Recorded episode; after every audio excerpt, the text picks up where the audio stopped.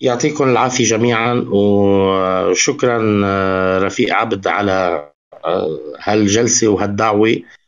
يلي بتأمل بأنه نطلع منها برؤية واضحة لموضوع بعتقد آه، هو هلأ حاليا الاب تو ديت تبع البلد كلها. واللي للأسف بعتقد وصل لمعدل لمرحلة الجريمة المنظمة.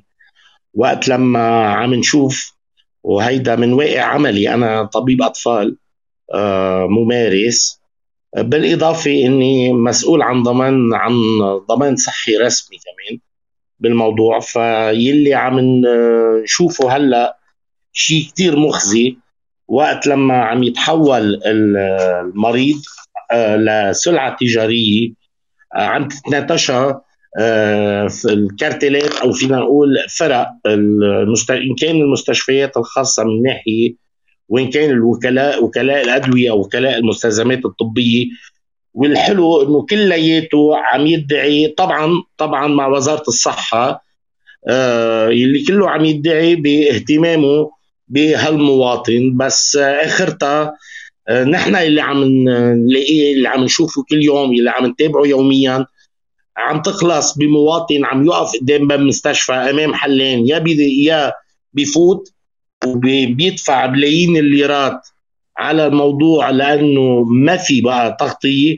يا إما بده يرجع يدور سيارته ويرجع على بيته يمرض على السكت على الرواق ويمكن ما بعرف للأسف في حدا ناطر كم حدا يموت أو عدد بركي بيرتاحوا من هالنقائين عفوا المرضى يعني.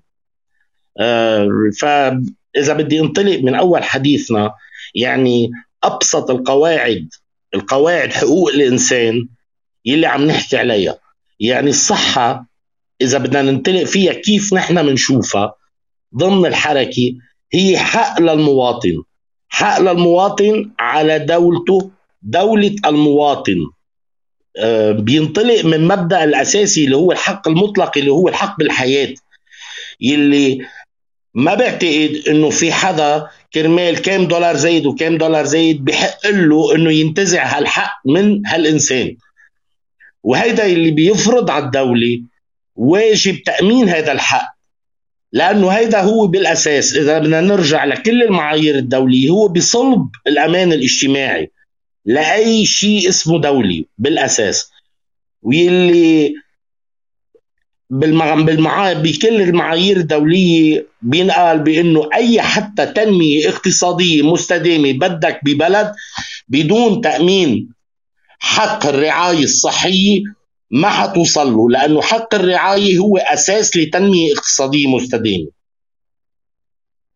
واللي هلأ حاليا عم آه، عم يصير إنه تحويل المواطن لسلعة هيدي قائمة من برا خبريات كثير آه، ريك ضمن هالمنظومة ضمن مسألة الزبائنية الريك الموجودة.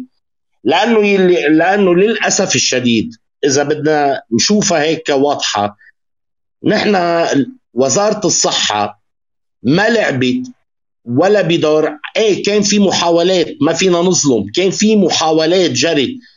آه وهيدي تاريخية يعني إذا اللي حاول نقلة من إنه قطاع خاص ما خصوا فيه لا الدولة بتفوت فيه يعني محاوله إنشاء خطط.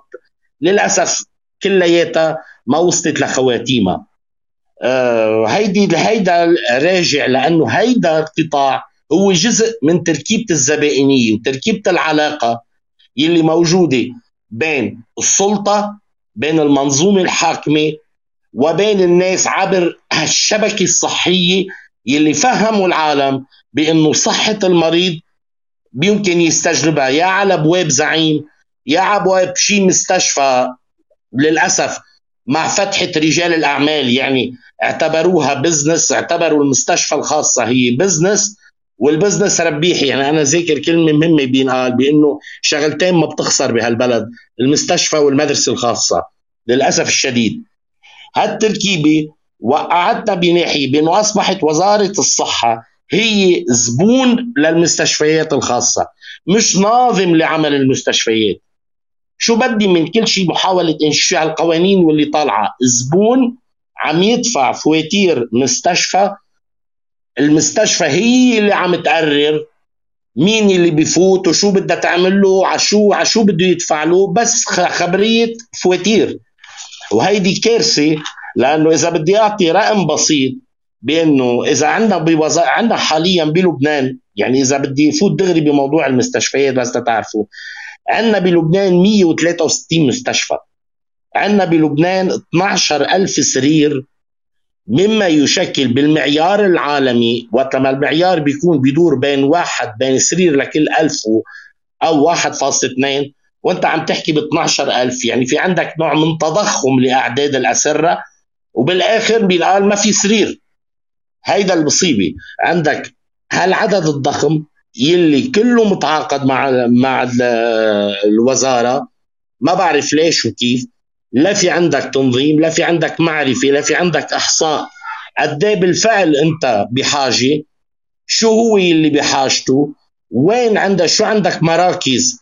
إن كان مختبرات أو أشعة أو كذا شو حاجتك؟ لأنه للأسف الإحصاء هو أبعد شيء عندنا بالدولة أو غير مطلوب لأنه ال 163 مستشفى باغلبهم بأغلبهم عم بحكي وباخذها جرأة إني أقول بأغلبهم هن مجموعة رجال أعمال فاتحين بزنس مأمنين حالهم عبر عقود مع المؤسسات الضامنة. هالعقود بتجيب لهم مبلغ من المصاري بيقدروا يشتغلوا فيه بالمستشفى. بنقدر نلعب بحجة إنه نحن مش عم نقبض المصاري بالوقت عبر فاتورتين دوبل الفاتوره بمعيار ومن معيار تاني بناخذ من المريض مبلغ أساسي غير مبلغ العقد وبنرجع بنسجله بعقد ألو... بفاتوره الاستشفاء تبع الوزارة. فبتضل القصة ربيحة. أكيد تاريخيا حصلت نضالات. يعني إذا بدي نفهم ليش وصلنا لهون فبدنا نرجع لقبل. القطاع الصحي كان فيه كثير محاولات وبنذكر سنة 72 محاولة إيميل بيطار لمحاربة كارتلات الأدوية. وزير الصحة واللي كلفته اقاله مشهورة من الحكومة. يعني أوعى تدق بهالخبرية. هيدا باب مقدس للزبائنية. بدك تيجي تحوله كحق للجميع كصحة للجميع فالزلمه يطلعوه برا.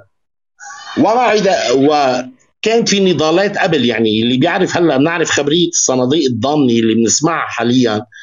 فبدنا نعرف إنه هيدي ما إجت مني أو عطية. لا هيدي إجت بضمن صراع نضالي وحاجة شكل صناديق يعني الضمان الاجتماعي وتعاونيات و و و هيدي كانت بمرحلة الستينات تأسست.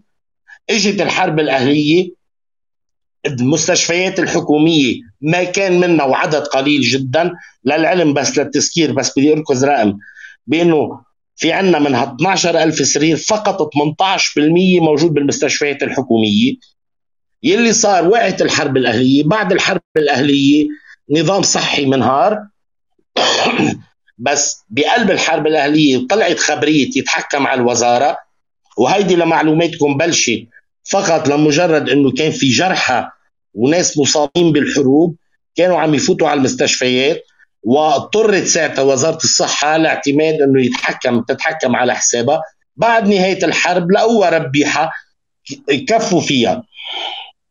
لوصل الإنفاق حاليا بقلب على المستشفيات على فواتير المستشفيات من ميزانية وزاره الصحة ل 66% وهذا رقم مهول. يعني وزارة الصحة عندها ميزانية تاخذ منها 66% لدفع فواتير المستشفيات 22% لدفع فواتير الأدوية والباقي بيروح على تفاصيل اللي هي الأساس واللي هي الأهم. تصوروا إنه الرعاية الصحية الأولية ما بتاخذ غير 5% فقط من الموازنة واللي هي كلها آه، موازنة وزارة الصحة 3.5% من الموازنة العامة. هيدا شو وصلنا؟ وصلنا لأنه اي نعم في تضخم مشوه بهذا القطاع. في عنا كتري في أرقام بنسمعها كثير إنه لبنان احتل مرتبة متقدمة مرتبة 31 بالعالم بالخدمات الصحية. كثير حلو. بس هيدا شيء والشيء الأخطر بدنا ننتبه عليه بإنه لبنان من الناتج المحلي بيصرف على الصحة يعني المواطنين والكل كل صرف على الصحة 8.5% من الناتج المحلي وهو أعلى رقم بالدول العربية. يعني هالخدمات اللي عم نشوفها كان عم نحكي أنا من قبل اللي كنا نشوفها منا خدمات مجانية. في خدمات والأخطر أنه 33% من هذا الإنفاق عم يكون من جيوب المواطن. وهي نسبة بالعالم منظمة الصحة بتعتبر أنه إذا كانت النسبة الانفاق المواطن من جيبته على الصحة تفوق ال 15% هيدا خط أحمر. فما بالك إذا كان اللبناني 33% عم يدفع. بس كلياتها كانت ماشي ك Ponzi scheme مستشفيات بدها تعمل ربح أدوية عم تفوت بفاتورة دواء مليار و900 مليون دولار, دولار آه على لبنان. كمان فواتير مضخمة وبالآخر بتجي الوزارة بتسكر هذا الموضوع. جرت بعض المحاولات بالتسعينات وبأول بال 2005 وطلوع جرت محاولات عبر بدء بمشروع شيء اسمه تغطية صحية شاملة عبر إنشاء مراكز رعاية صحية أولية. انعملوا ما بعرف إذا حدا بيعرف إنه في عنا بحدود 238 مركز على أساس لنبلش نعطي تغطية دوباز للعلاج لكل المواطنين. ولكن العادة للأسف الشديد العلاقة الزبائنية هي اللي حطمت هذا المشروع. اولا تحت خبرية إنه هيدي المراكز لازم تكون مربوطة بمستشفيات حكومية لتتكفى يعني المريض بياخذ بداية من معاينات ومن مخت... من فحوصات أولية ومختبرات بقلب هالمراكز مجانا وبينتقل للمستشفيات الحكومية. وقفت تحت خبرية أنه المستشفيات الحكومية ما بتقدر تكفي. فللأسف رجعوا تحولوا بأغلبيتهم لمستوصفات عادية. عم تقدم خدمات نهائيا مش هي الخدمات تبعيت مراكز الرعاية الصحية الأولية المتبعة بالعالم. كانت محاولة نتمنى إنه نحن مفكرين هلا الرفيق علي حيكفي بعدين بمشروع الرعاية مشروع الصحة بيشرح لكم قد إيه أهميتهم لهالمراكز. آه، الموضوع الأخير اللي عم بحكيه هو الأزمة الحالية. يلي يلي صار حاليا مع انهيار هالمنظومة ومع التفليسة اللي ضربت أصيب القطاع الصحي بالشلل. لأنه كانوا معودين إنه الجماعة ماشيين بما يسمى خبريات الدعم، الدعم الوهمي، يعني عم يفوتروا عم يعبوا فواتير عم يبعثوهم للوزارة، الوزارة عم تدفع لهم، فجأة هيدا الزبون الكبير مع الصندوق الوطني للضمان الاجتماعي اللي هو الزبون رقم اثنين آه ما عاد آه معه مصاري.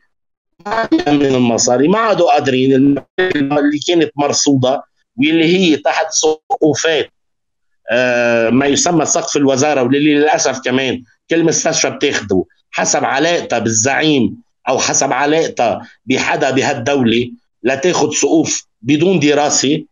يلي صار حاليا إنه ما عاد في وقفت كلياتها.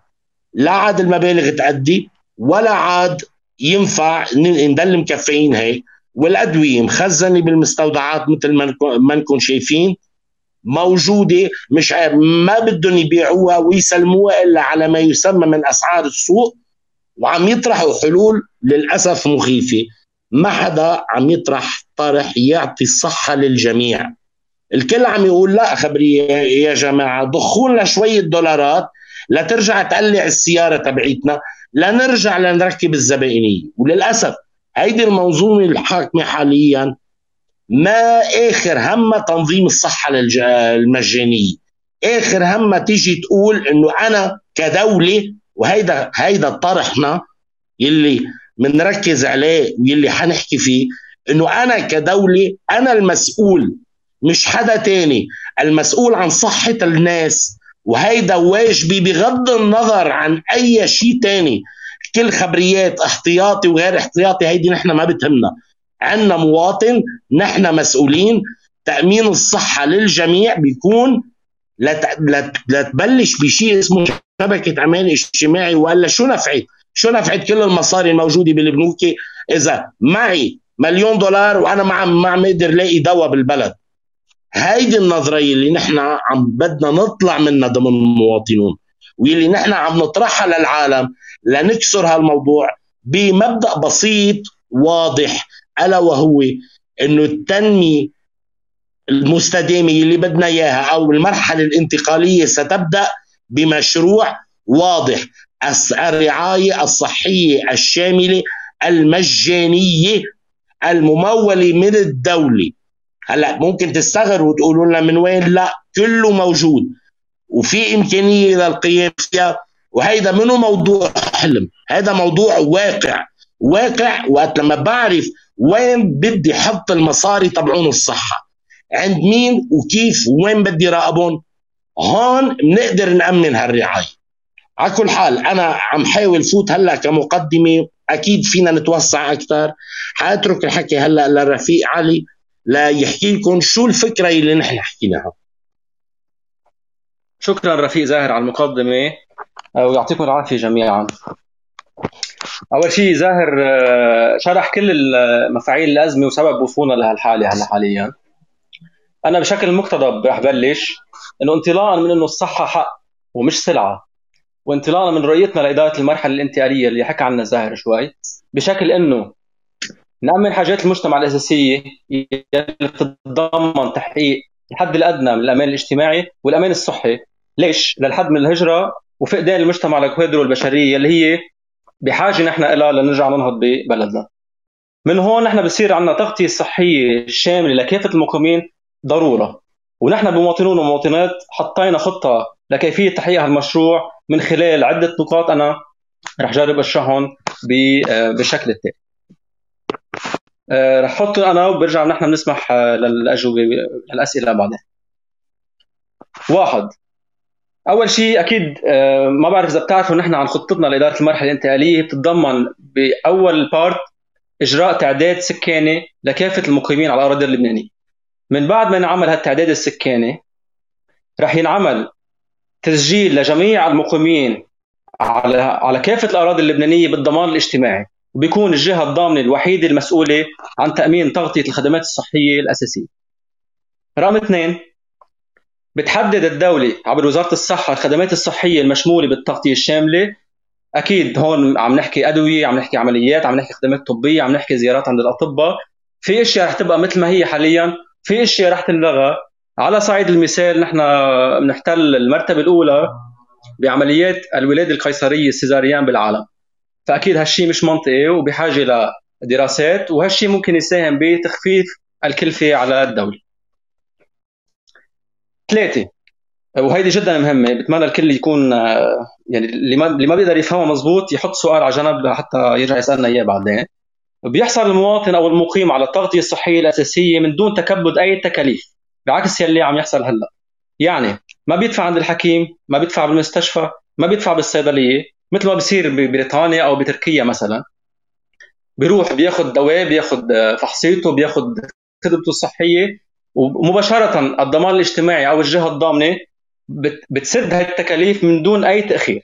بهاي الحالة شو بنكون عم نعمل نحن؟ أول شيء آه، عم نساهم بفعالية أكبر بالنظام الصحي. اثنين واللي هو شيء كثير مهم عم نمنع الابتزاز أو البهدلة اللي بيتعرض لها المواطن من خلال تقديم المعاملات للضمان أو لأي جهة ثانية والانتظار لاستردادها. أو يتصل لهيدا وهيداك وزعيمه ونايب لحتى يشوف بدي يفوت على المستشفى ويصل إيده أو لا يحصل على تغطية من قبل الوزارة. هيك نحن بنكون سكرنا هاللوب كله. خمسة أو أربعة. تتولى الدولة عبر وزارة الصحة مهام الرقابة بواسطة قاعدة بيانات ومعلومات ورقابة مركزية بمعنى أي أوديت يعني الدولة هون تعمل آه، رقابة دورية أو اوديت دوري أو دقيق بتشوف هي شو عم بيصير أي خدمات عم تتقدم آه، مين عم بيخالف مين مش عم بيخالف. ستة بتحدد الدولة عبر وزارة الصحة لوائح الأدوية يلي سيتم تغطيتها مع مراعاة الجودة والعمل على تخفيض كلفة الاستيراد أكيد بس بنكون عم آه، بنكون عم نحدد لوائح معينة عم نغطي كل الأمراض أو كل الحالات الطبية. وهون تعتمد سياسات كمان تحفيز للصناعة المحلية يلي بتساهم سياسيا أو اجتماعيا بخلق فرص عمل وتعزيز إمكانية التصدير يلي هو نحن بحاجة له لنجيب دولارات لأنه أزمتنا أزمة دولار حاليا. سبعة تلغى تلغى كافة الاشتراكات المقتطعة من الرواتب والأجور من قبل الناس أو المكلفين أو المضمونين وتمول التغطية الصحية الشاملة مباشرة عبر الموازنة العامة والإيرادات الضريبية. أول شيء هيك بنخفف عبء على المواطن بنخفف عبء على الاقتصاد بنخفف عبء على أرباب العمل ويتم اقتطاع ضرائب مباشرة من قبل الدولة على الناس يلي لازم نقتطع منهم ضرائب. أنا هون بكون خلصت آه، بشكل مقتضب كل شيء نحن رح نمشي فيه بحال استلمنا السلطة لإدارة المرحلة